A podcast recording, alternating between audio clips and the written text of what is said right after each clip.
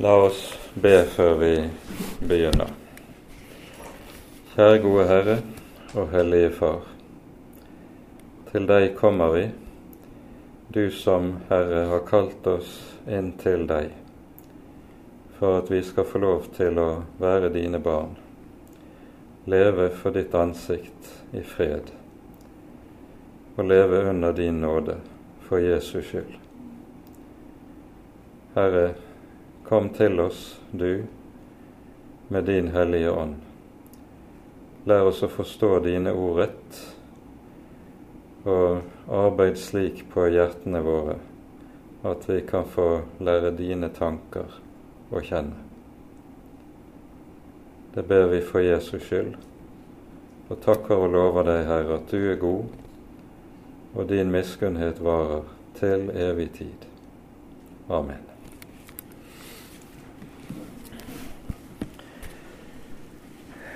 Som eh, dere alle er kjent med, så eh, var et av de tre hovedslagordene under reformasjonen sola scriptura, Skriften alene.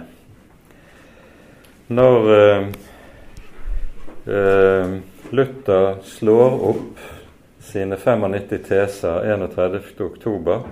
for 500 år tilbake, så var dette noe som slett ikke sto klart for Luther da.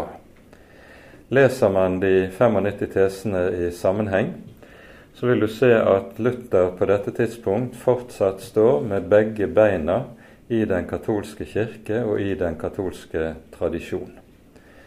Luther er ennå ikke blitt lutheraner, for å si det på den måten. Eh, men bare et halvt år senere når han eh, i mai er kalt av lederne til for augustinereremittenes orden, eh, Staupitz, til å holde en disputas i byen Heidelberg, så ser vi at Luther er kommet til avklaring på en hel rekke sentrale punkter. I såkalte Heidelberg-disputasen, der finner du alle de helt sentrale hovedsaker i luthersk teologi utmeislet. Og så kan man lure på hva er det som har skjedd i mellomtiden her. Eh, det er ikke sannsynlig at imellom her ligger det som kalles den såkalte tårnopplevelsen. Den som Luther forteller om ved en rekke anledninger, både i bordtaler og ikke minst i forbindelse med at i 1545, et år før han dør, så kommer den første utgaven av Luthers samlede verker på latin. Her skriver Luther et forord til eh, disse, denne utgaven, og der han eh, mellom annet går inn på og forteller om tårnopplevelsen, når han får klarhet i hva ordene i Romerbrevet 1, 16 og 17 egentlig betyr. Jeg skammer meg ikke ved evangeliet, står det der. For det er en Guds kraft til frelse for hver den som tror. For jøde først, og så for greker. For i det åpenbares Guds rettferdighet av tro til tro, som skrevet står, den rettferdige ved tro skal leve. Dette er ordene i Romerne 1, 16 og 17. Og For Luther ble oppdagelsen av hva som egentlig ligger i disse ordene, det ble det definitive åndelige gjennombruddet for ham.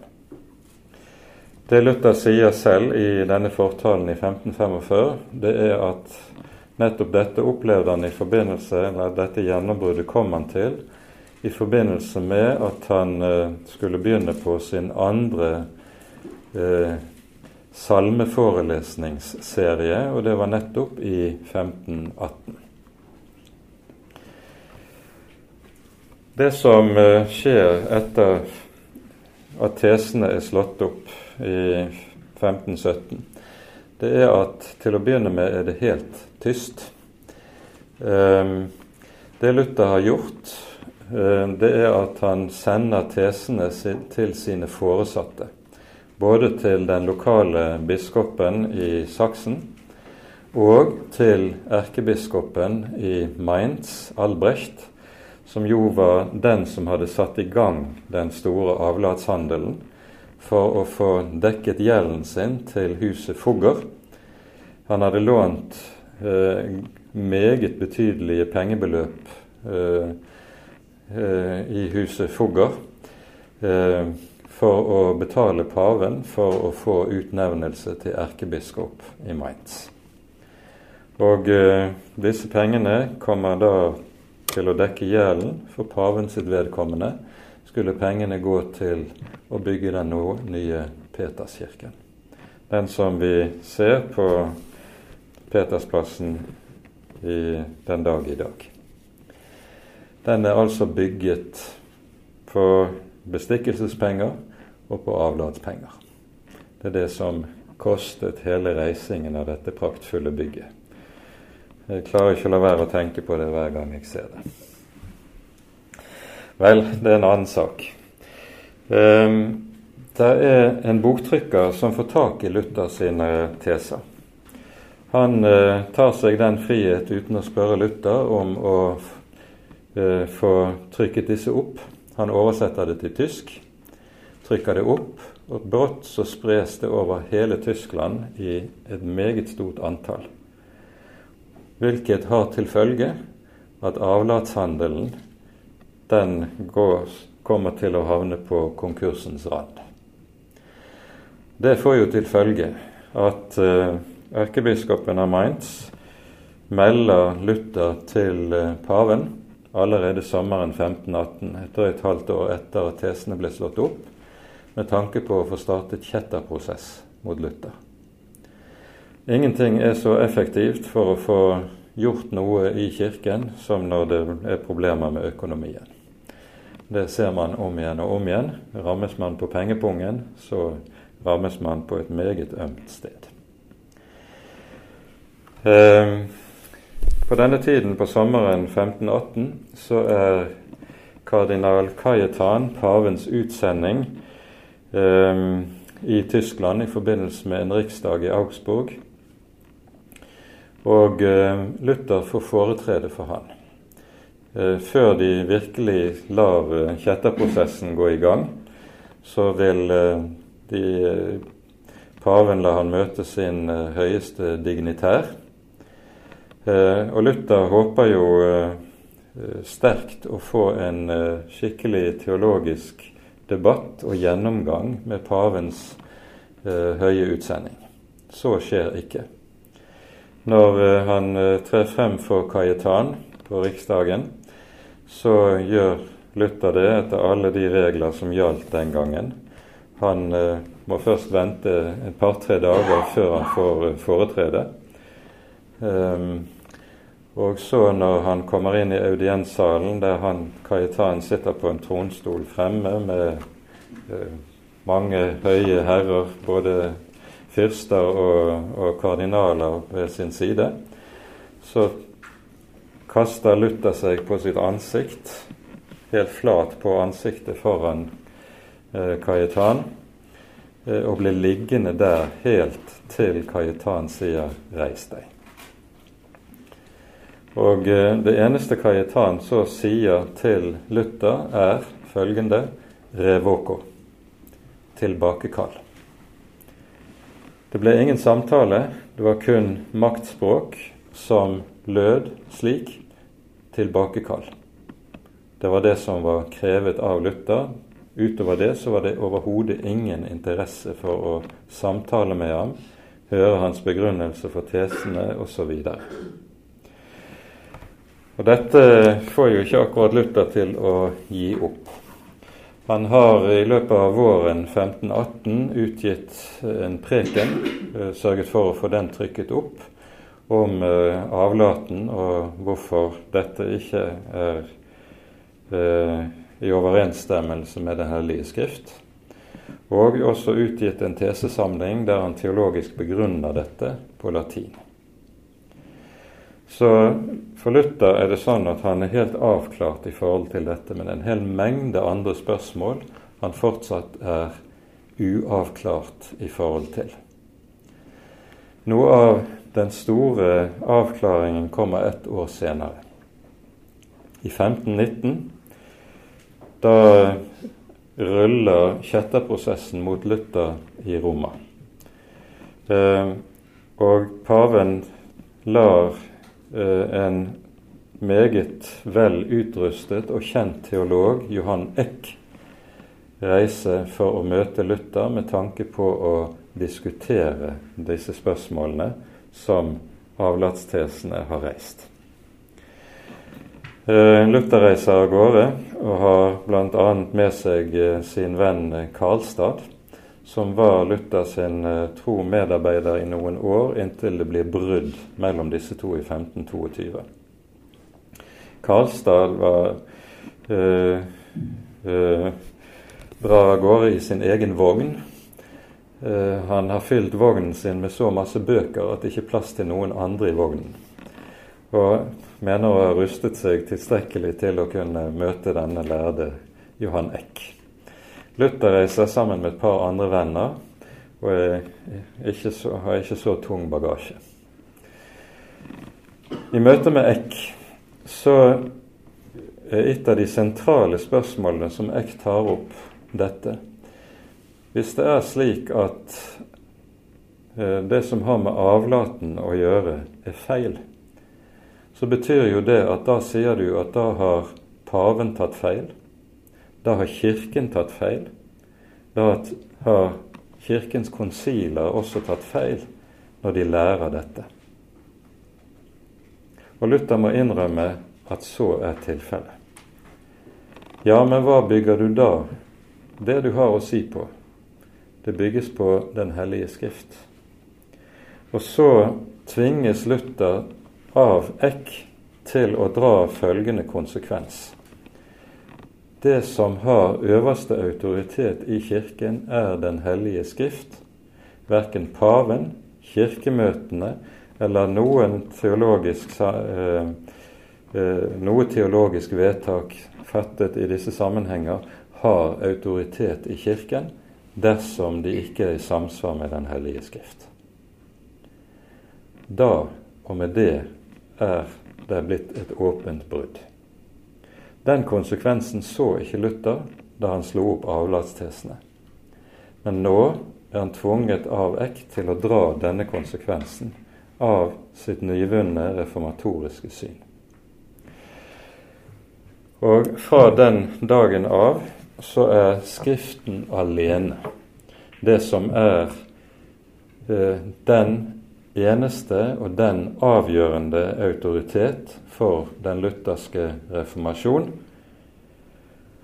Og eh, når Eck kan eh, melde tilbake til Roma hva som er konsekvensen, eller hva som var utgangen på denne debatten som han hadde hatt med Luther, så går det ikke mer enn noen få måneder før det sendes brev fra paven i Roma i januar eh, 1520, der han truer Luther med bannlysning dersom han ikke tilbakekaller. Og nå henger sverdet over Luther sitt hode. Det at Skriften alene er autoritet, det understrekes uttrykkelig i eh, de smalkaldiske artikler som blir bekjennelsesskrift, og som Luther skriver i 1537. Det er riktignok ikke bekjennelsesskrift for Den norske kirke, men det er et av de sentrale skriftene i Concordieboken. Og det er Luther som skriver dette i 1537 i påvente av og i håp om at det skulle bli et allment konsil hvor man kunne drøfte det som var fremmet av reformasjonen. Dette var nemlig lovet.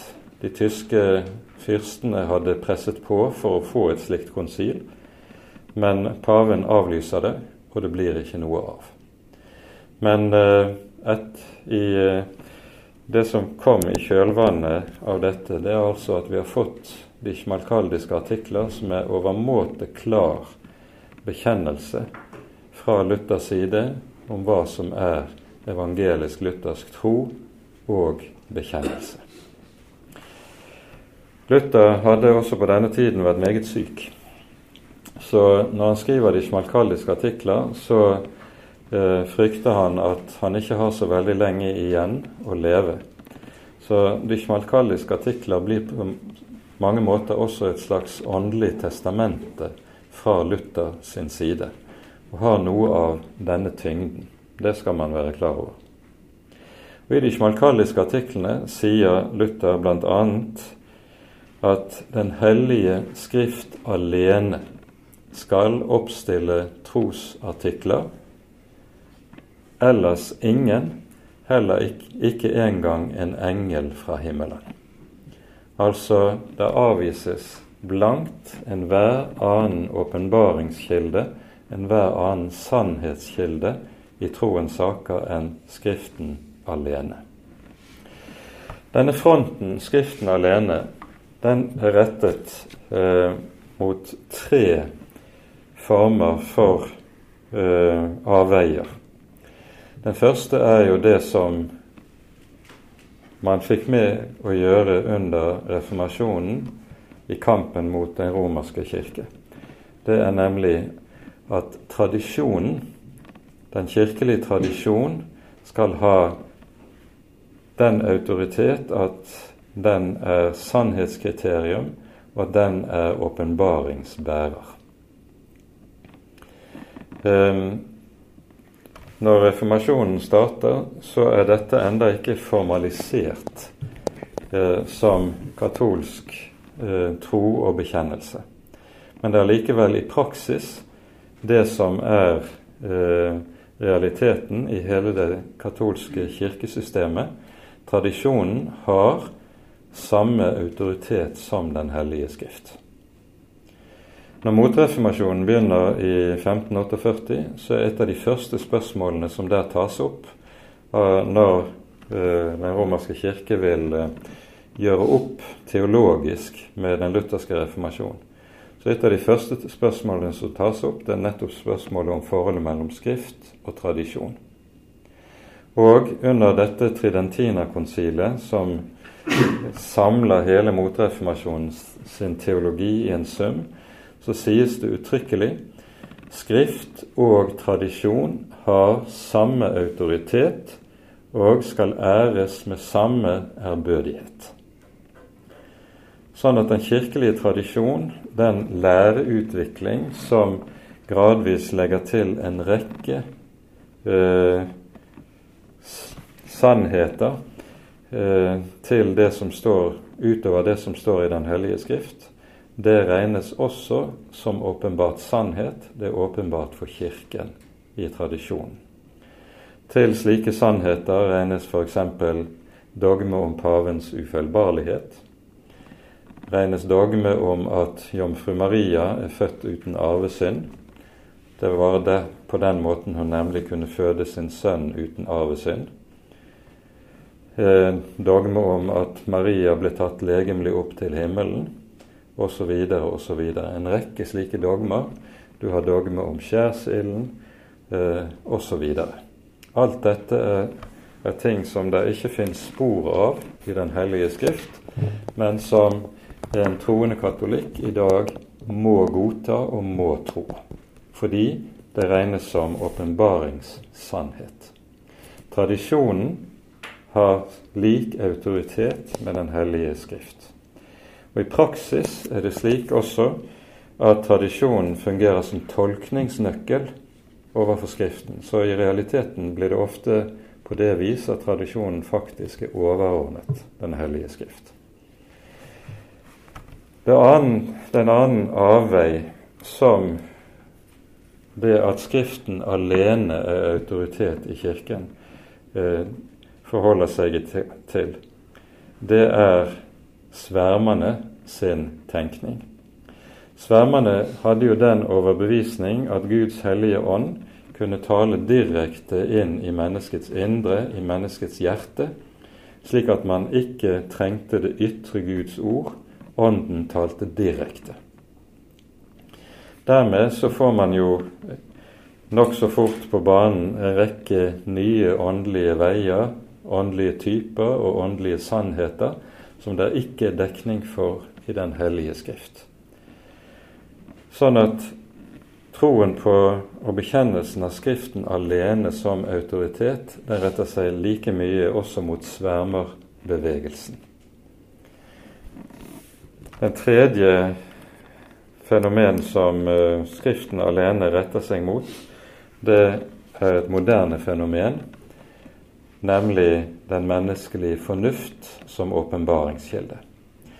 Under opplysningstiden er det jo slik at da bryter den åndsstrøm igjennom i Europa som ser på menneskets fornuft, ratio, som den øverste autoritet og sannhetskilde. Mot dette vil den lutherske kirke stå fast og alltid hevde det er Skriften alene som er sannhetens kilde, som er åpenbaringens kilde. Heller ikke den menneskelige fornuft har slike kvaliteter. Hvis det nå er sånn at Skriften alene er autoritet i den kristne kirke, så hjelper det jo svært lite hvis saken er den at Den hellige skrift er en uklar bok som er umulig å forstå for de aller fleste. Dette er eh, humanisten Erasmus sin argumentasjon mot Luther. Han hevder i et skrift som kommer i 1524, diatribe om den frie vilje, kalles eh, skriftet, eh, at han gjør front mot Luther og hevder bl.a. i dette skriftet med stor styrke at Den hellige skrift er uklar. Den er, inneholder så mye dype sannheter og ubegripeligheter at man trenger et autoritativt embete som kan tolke Skriften på rette måter. Og det embetet som har den rette autoriteten sånn sett, det er paven. Så paveembetet er nødvendig for at Skriften skal bli rett forstått. Det er eh, Erasmus sin argumentasjon. Han argumenterer altså nettopp med dette Skriften er uklar. Luther kommer med sitt svar på um, Erasmus sitt skrift året etter, i skriftet som kalles for Den trellbundne vilje, de servo arbitrio. Og hevder dermed stor styrke og gjennomtenkt klarhet tesen om at Den hellige skrift er klar. Det er av den grunn at det, vi finner slike ord som f.eks. i Salme 119 vers 105. Ditt ord er en lykt for min fot, et lys på min sti. Akkurat det er et bibelvers som trekkes frem i, veldig ofte eh, under reformasjonen. For hvis Guds ord er et lys som gir klarhet, da kan det ikke være uklart. Eh, det hentes også frem en rekke andre skriftord og Luther argumenterer retorisk og sier er Den hellige ånd ikke i stand til å tale klart? Det vil være til lite heder for Ånden om man ikke var i stand til det. Poenget for Luther er at det vi har i Den hellige skrift, det er en åpenbaring. I Skriften åpenbarer Gud seg, han tilhyller seg ikke. Hvis Skriften er uklar, så betyr det at der tilhyller Gud seg i Skriften, hvilket Luther bestrider på det aller skarpeste. Det som imidlertid er problemet, og som Luther tar, også tar opp på bred front i eh, sitt svarskrift til Erasmus, det er det vi kaller for det antropologiske problemet. Poenget er nemlig det er ikke Skriften som er uklar, men det er vår forstand som er uklar. Og det er det som skaper problemer i forhold til Den hellige skrift. Hvorfor er forstanden uklar? Det henger sammen med syndefallet. Når mennesket faller i synd, så skjer det noe gjennomgripende med hele den menneskelige natur, i det også forstanden rammes på en sånn måte at den kommer til å stå fremmed overfor alt det som har med Gud å gjøre, og sågar så fremmed at den menneskelige fornuft ofte reagerer med det sterkeste anstøt på det Gud taler i sitt ord, det Gud åpenbarer når han trer frem i historien. I eh, fallet medfører at vi får den situasjonen som er beskrevet i Salme 50 der Gud sier om det falne mennesket Du tenkte at jeg var som du. Mennesket vil, Det falne mennesket vil uvegerlig på en eller annen måte søke å tegne Gud i sitt eget bilde. Og når Gud ikke, når Han åpenbarer seg og så ikke svarer til det selvgjorte gudsbildet som mennesket har, så reagerer mennesket med anstøt, med irritasjon, med motvilje, ja, sågar ofte med aggresjon. Jesus sier i samtale med en gruppe fariseere i Johannesevangeliets åttende kapittel følgende Hvorfor forstår dere ikke min tale? Fordi dere ikke tåler å høre mine ord. Det er ganske skarpt ord, utsagn, men det er en sats i dette verset som rommer meget treffende hva som er problemet. Paulus er inne på samme sak i første Korinterbrev, i andre kapittel, der han taler om åpenbaringen som er gitt oss av evangeliet ved Den hellige ånd. Og så sier han et naturlig, et naturlig menneske tar ikke imot det som hører Guds ånd til. Det er av fallet. Fallet har gjort det naturlige mennesket til en fremmed overfor Gud, og som derfor reagerer med motstand, motvilje, imot den guddommelige åpenbaring. Denne motstanden henger bl.a. sammen med at noe av det syndefallet legger inn i mennesket, det er et hovmod. Et hovmod som har den karakteren at mennesket mener seg i stand til og kvalifisert til å bedømme Gud, men samtidig finner det utålelig å la seg bli bedømt av Gud. Dette er på en måte det som er noe av kjernen i det falne menneskets reaksjon. Og det som omvendelsen da kommer til å bestå i, det er det som vi har pekt på ved et par anledninger, det er at et menneske går over fra å stå i et bedømmende forhold til Guds ord, til å vite seg selv som den der er bedømt av Guds ord. En går over fra en stilling der en tenker om seg selv jeg står over ordet og er kvalifisert til å bedømme det, til at jeg blir stående under ordet som den der er bedømt av Gud i hans tiltale i ordet. Dette her ble under fordypningsdagene vi hadde nå i høst, formulert av eh, Nestingen på denne måten. Det er ikke vi som tolker Den hellige skrift, men det er Den hellige skrift som tolker oss. Og det er en dyp, dyp sannhet. For det som hører med som en grunnleggende side ved hele Luther sin måte å tenke på når han taler om disse tingene, det er det at når mennesket tenker om seg selv, at jeg er i stand til å bedømme ordet, Eh, så forholder det seg mennesket seg til Guds ord som at ordet er objekt for min forstand, min fornuft, min undersøkelse.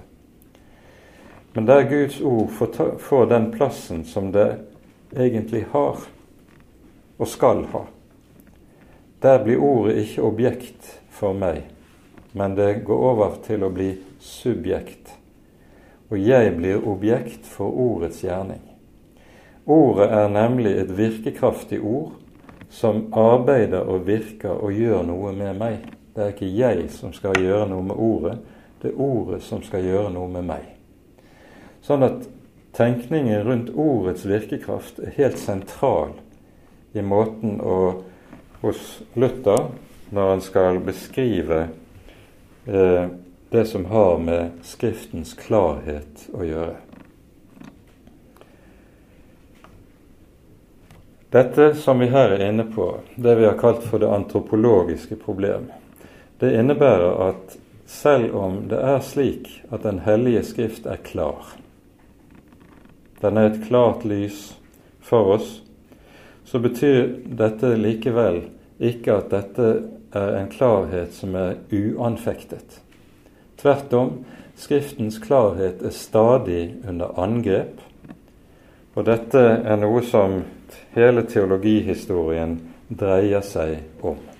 Skriftens klarhet anfektes av det falne mennesket og det falne menneskets fornuft. Hvilket innebærer at religionshistorien kommer til å være en stadig kamp som dreier seg om hva er sannhet. Denne kampen blir eh, angitt for oss i så å si i formelaktig form allerede på syndefallets dag. Der sies det i domsordene over slangen Jeg vil sette fiendskap mellom din ett og kvinnens ett. Dette fiendskapet mellom slangens ett og kvinnens ett, det er så å si noe av grunntemaet i hele åpenbaringshistorien i Skriften. Der lys og mørke kjemper mot hverandre, og der sannhet og løgn står overfor hverandre. I eh, Predikerens bok, det syvende kapittel, står det sånn, som noe av en summering av eh, eh, hva som eh, gjelder det falne mennesket. Eh, her skriver han, forfatteren slik Se, dette er alt jeg har funnet ut. Gud skapte mennesket som det skulle være, men de søker mange kunster. Og det gjelder så til de grader på dette området som har med spørsmålet om hva er sannhet å gjøre. Dette innebærer også at det er helt avgjørende nødvendig å lære å skille og skjelne mellom hva som er Guds tanker, og hva som bare er menneskers tanker. I vår moderne tid så har det vært ganske vanlig å tale om eh, den såkalte avgrunnen. Det er 2000 år mellom oss og Jesu og apostlenes tid. Den avgrunne tid. Vi lever i en annen tid, i en annen kultur, og vi får dermed også høre Eh, at dermed så kan vi ikke se som autoritativt det som lød for disse for 2000 år tilbake. Det er så å si sånn at sannheten må oppdateres for å kunne være gyldig inn i vår tid. Slik tenker ikke Bibelen. Bibelen tenker for det første når det gjelder mennesket, at mennesket er seg selv likt til alle tider. Det er intet nytt under solen. Det er Bibelens historiesyn. Mennesket i dag er ikke vesentlig forskjellig fra de menneskene som levde for 2000 år siden. Det eneste som er forskjellig, det er de ytre historiske kulissene. De er forskjellige. Men mennesket og menneskets hjerte, det er nøyaktig det samme som det var både for 2000 og for 4000 år siden. For det andre Det er ikke bare slik at mennesket er det samme gjennom alle tider. Det er intet nytt under solen. Bibelen lærer oss entydig og klart Gud er den samme gjennom alle tider. Jesus Kristus er i går og i dag den samme, ja, til evig tid, sies det i Hebreerne 13. Og det er en sannhet som er uhyre betydningsfull i denne sammenheng. Gud er ikke en som utvikler seg og forandrer seg med tiden. Han er evig den samme fordi han er Gud. Og Det betyr at broen over 2000 år den er ikke umulig å bygge. Tvert om, det er det som er prekens oppgave, og den er en oppgave som nettopp er mulig på grunn av det vi har pekt på, Mennesket er den samme, Herren er den samme. Og så må vi lære oss å lese Skriften i det perspektiv. Dette kaster også lys over det som uh, vi ofte kan høre når en ønsker å uh, sette strek over det ene eller det annet i Bibelen, at Bibelens forfattere var tidsbestemte. Var, de var bestemt av sin kulturs og sin samtids begrensninger. Og eh, i dag vet vi så meget bedre, og behøver derfor ikke å ta på alvor en del av det som vi reagerer på, som, og som vi synes er gammeldags. Til dette er det å svare det er det moderne mennesket som er tidsbestemt. Vi er i like stor grad tidsbestemt hvis vi skal, først skal tale om disse ting. Og hvis man ikke er i stand til å nærme seg Den hellige Skrift med denne soberhet og selvkritikk, så vil man aldri være i stand til rett å kunne gripe det som står i Den hellige Skrift.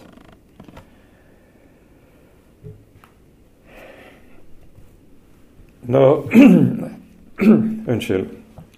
Når Erasmus skriver sin diatribe og hevder at Den hellige skrift er uklar, så sier han at det er så meget av både motsigelser i Skriften, det er mange dunkle og uforståelige ord og begreper, og derfor trengs det altså et læreembete, et magisterium, som det kalles. Derfor trekker han også en annen konklusjon av dette fordi Den hellige skrift er slik, uklar og usikkert hvordan den skal forstås. Derfor kan man heller aldri som kristen uttrykke seg klart, sikkert og bestemt. I stedet vil eh, eh, Erasmus heller diskutere. Han avskyr klare og bestemte utsagn. Han mener det er tegn på uvitenhet og åndelig overmot. Og han vil langt heller diskutere. Ja, du mener sånn, du, vi tenker sånn. Og så blir hele den kristne kirke en diskusjonsklubb. Luther svarer på dette med, på en måte som uh, vi kan smile av, og som er særdeles frimodig. Han kan si, eh, i hvert fall i lyse øyeblikk, hva bryr jeg meg om hvor mange de er, eller hvor store de er, alle de som tar feil? Han bryr seg overhodet ikke om den slags. Han hevder i stedet at kjennetegnet på en sann kristen, det er en åpen og klar bekjennelse. Der denne bekjennelsen uteblir, skriver Luther videre, der utslettes også hele den kristne tro. Kjennetegnet på den levende tro er nettopp den klare bekjennelse. For troen gleder seg over klarhet, over den klare bekjennelse. Slik skriver Luther veldig tydelig. Og hevder på sin side at Erasmus er en gudløs skeptiker som heller vil la hver mann tro hva han vil, så fremt det ikke fører til ufred og strid. Sånn tenker Erasmus. Luther svarer til dette fyndig, som han kunne gjøre det. Den hellige ånd er ingen skeptiker. Den hellige ånd vet veldig klart hva han har å si, hva han mener. Han kommer med sikre og bestemte utsagn i Den hellige skrift, og disse utsagn er sikrere enn all menneskelig erfaring. Det er med andre ord slik at Luther på denne måten setter Skriften over også den menneskelige erfaring. Det er ikke den menneskelige erfaring som er øverste autoritet, det er Skriften. All menneskelig erfaring skal bedømmes i lys av Skriften. Og så er det på det grunnlag at Skriften kan ha den myndighet som den skal ha. Når Skriften er klar, så dette, henger dette for Luther uløselig sammen med at Den hellige Skrift har en kjerne og en stjerne. Denne kjerne og stjerne, det er Jesus Kristus og evangeliet om hans frelsesgjerning. Der dette får være selve kjernen i skriftforståelsen, der blir Skriften klar.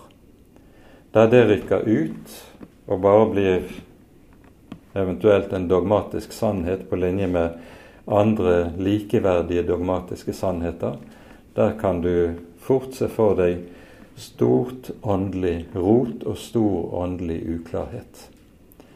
Hele Den hellige skrift må leses og forstås i lys av Kristi person og evangeliet om ham. Uten det vil man uvegerlig forstå Skriften galt. Det er med andre ord slik at Skriftens klarhet består i Kristi person og evangeliet om ham. Det er avgjørende å være klar over. For dermed så har man også fått den sentrale tolkningsnøkkel som er nødvendig å ha for å forstå Skriften rett. Luther innrømmer uten videre at det er tekster i Bibelen som er dunkle og vanskelige å forstå. Men han sier til dette det betyr ikke at uklarheten ligger i Bibelen, men at den ligger hos oss. Når det er tekster i Bibelen som fortoner seg dunkle og uklare, så henger det sammen i, med manglende kunnskap for vårt vedkommende. Manglende kunnskap om språk, grammatikk, eh, historie kanskje, og eh, geografiske forhold muligens også. Det er den typen manglende kunnskap som gjør at det kan være tekster som er vanskelig å få tak i og forstå.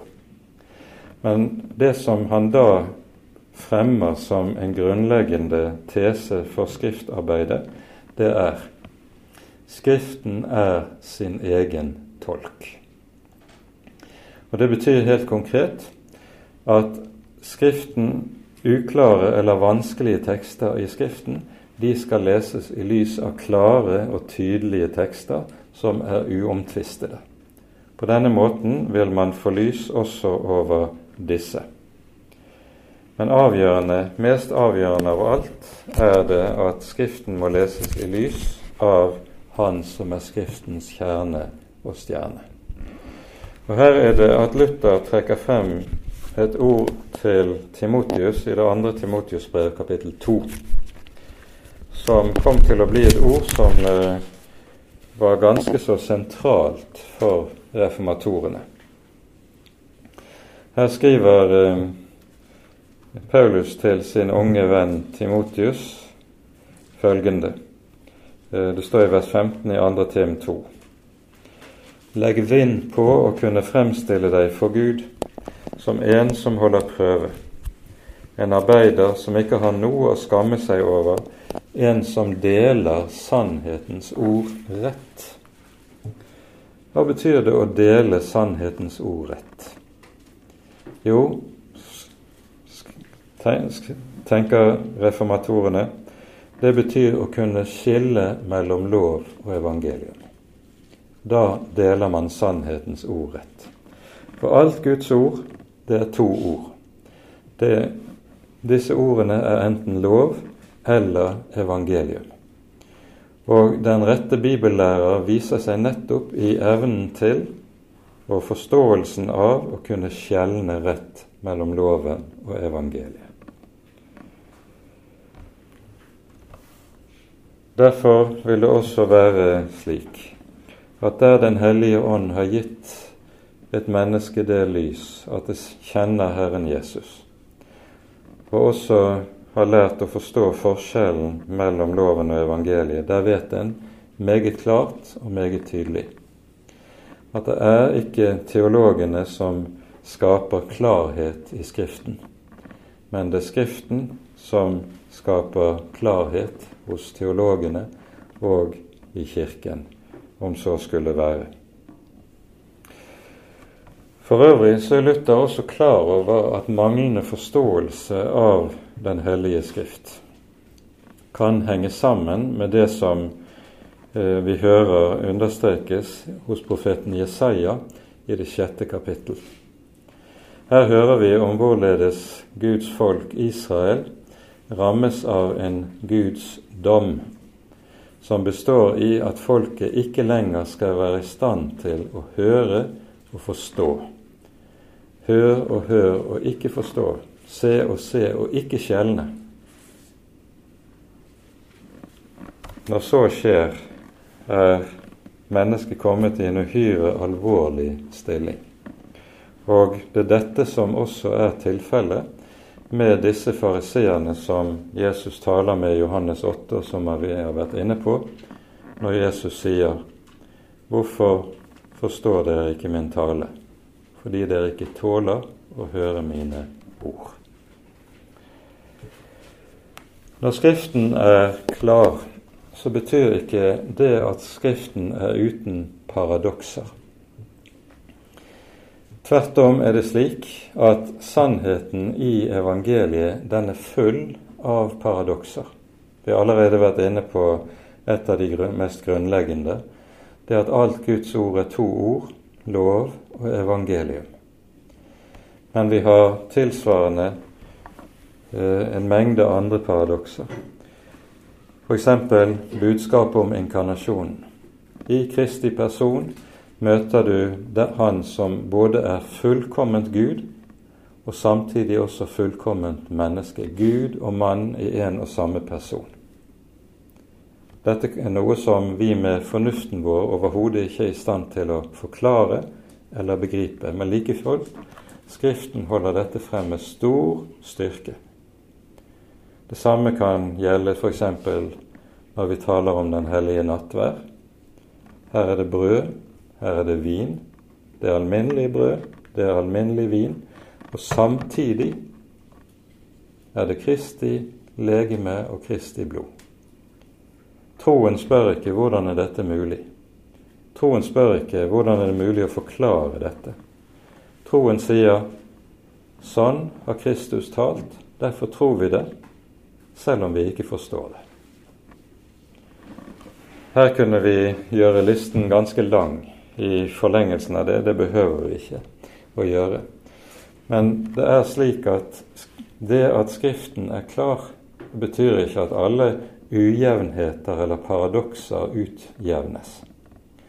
Et paradoks er noe som for den menneskelige fornuft høres ut som en selvmotsigelse, men som likevel er noe som er faktisk virkelighet.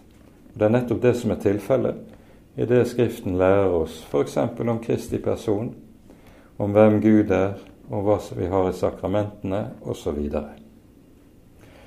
Paradoksaliteten hører til åpenbaringen. At Bibelen er klar, det betyr ikke at alt som står i Bibelen, heller er enkelt. Det er dybder i Den hellige skrift som vi kan arbeide med et helt liv uten noensinne å kunne forstå til ende. Men det har ingenting med det å gjøre at Skriften skulle være uklar. For slik er det at Herren taler i Den hellige Skrift. I denne sammenheng er det at Erasmus, når han eh, skriver mot Luther, også viser til bl.a. Romerbrevet 11. kapittel og hevder at Gud er en Gud som intet menneske kan forstå eller gripe. Vi leser i avslutningen av det ellevte kapittelet i Romerbrevet slik Og dyp av rikdom og visdom og kunnskap hos Gud. Hvor uransakelige er Hans dommer, og hvor usporlige er Hans veier. For hvem kjente vel Herren sin, eller hvem var hans rådgiver? Eller hvem ga han noe først, så han skulle få vederlag? For av ham og ved ham og til ham er alle ting. Ham tilhører æren i evighet. Amen. Erasmus bruker dette som argument for å forsvare sin tese om at Gud er så høy, så opphøyet over oss små skapte kryp at vi ikke på noen måte kan gripe og begripe ham og hans mysterier. Til dette svarer Luther at det apostelen Paulus her taler om, det er Gud i hans opphøyethet. Paulus taler ikke om Den hellige skrift. Når Gud taler i Den hellige skrift, så har han nettopp talt på en slik måte at vi som mennesker skapt i Guds bilde, kan forstå. Gud i hans opphøyethet kan intet menneske gripe og begripe. Han er for veldig til det. Men når han åpenbarer seg, så åpenbarer han seg nettopp på en slik måte at vi kan forstå, at vi kan gripe, og at vi kan dermed også bli frelste mennesker. Og Derfor hevder Luther at det er helt avgjørende å skjelne mellom den skjulte Gud og den åpenbarte Gud. Den skjulte Gud i hans opphøydhet, han, kan, han er utilgjengelig. Gud kjenner vi utelukkende der hvor han åpenbarer seg, nemlig i Den hellige skrift. Vi kjenner ikke Gud noe annet sted eller av noen andre veier. Men i Den hellige skrift har han talt på en sånn måte at vi kan kjenne ham og bli frelste mennesker og leve med lys og klarhet i livet. Til sist um, Når Luther i um, dette verket om den trellbundne vilje taler om Skriftens klarhet, så skjelner han mellom to forskjellige typer av klarhet. Han taler om den ytre klarhet og det han kaller for den indre klarhet. Den ytre klarhet som du har i Den hellige skrift, det er den klarhet som du kan se i enhver tekst som er begripelig tekst. Kan du grammatikk, kan du språket godt, så vil du også forstå hva som står i teksten. Og dette er noe som enhver som er lesekyndig og språkkyndig, vil kunne lese seg frem til dersom han arbeider alvorlig og seriøst med teksten. Men så er det noe som til forskjell fra dette altså kalles for den indre klarhet.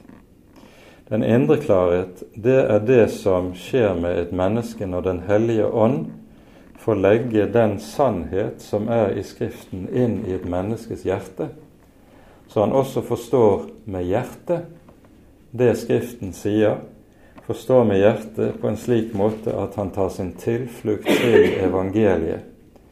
Og evangeliet blir hjertets lys. Det er den indre klarhet. Den indre klarhet er ikke noe annet enn den ytre klarhet. Det er ikke andre sannheter som den indre klarhet får lys over, enn den som ligger i den ytre sannhet. Men det blir hjertets del. Det blir hjertets skatt ved Den hellige ånd, at Den hellige ånd får gjort det arbeid å legge ordet inn i hjertet, så det blir til trøst, til tro, til håp og til liv. Disse to ulike slags klarhet hører også med som en del av det som eh, Luther taler om i dette. Og det er viktig at vi har klart for oss at denne tenkning om Skriftens klarhet, den ligger der som så å si et grunnvilkår for hele reformasjonsverket.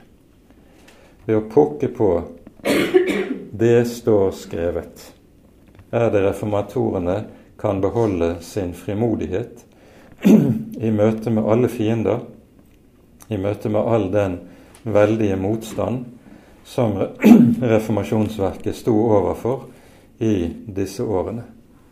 Det står skrevet. I det ligger frimodigheten, i det ligger vissheten, fordi der troen kommer inn, der skapes det en visshet som kan tåle at selv himmel og jord forgår. Fordi Herren Jesus har sagt himmel og jord skal forgå, men mine ord skal aldri i evighet forgå. Det er det troen klynger seg til og lever på og lever av. Og Med det tror jeg vi setter punktum for denne time. Ære være Faderen og Sønnen og Den hellige ånd, som var og er og være skal, en sann Gud, høylovet i evighet. Amen.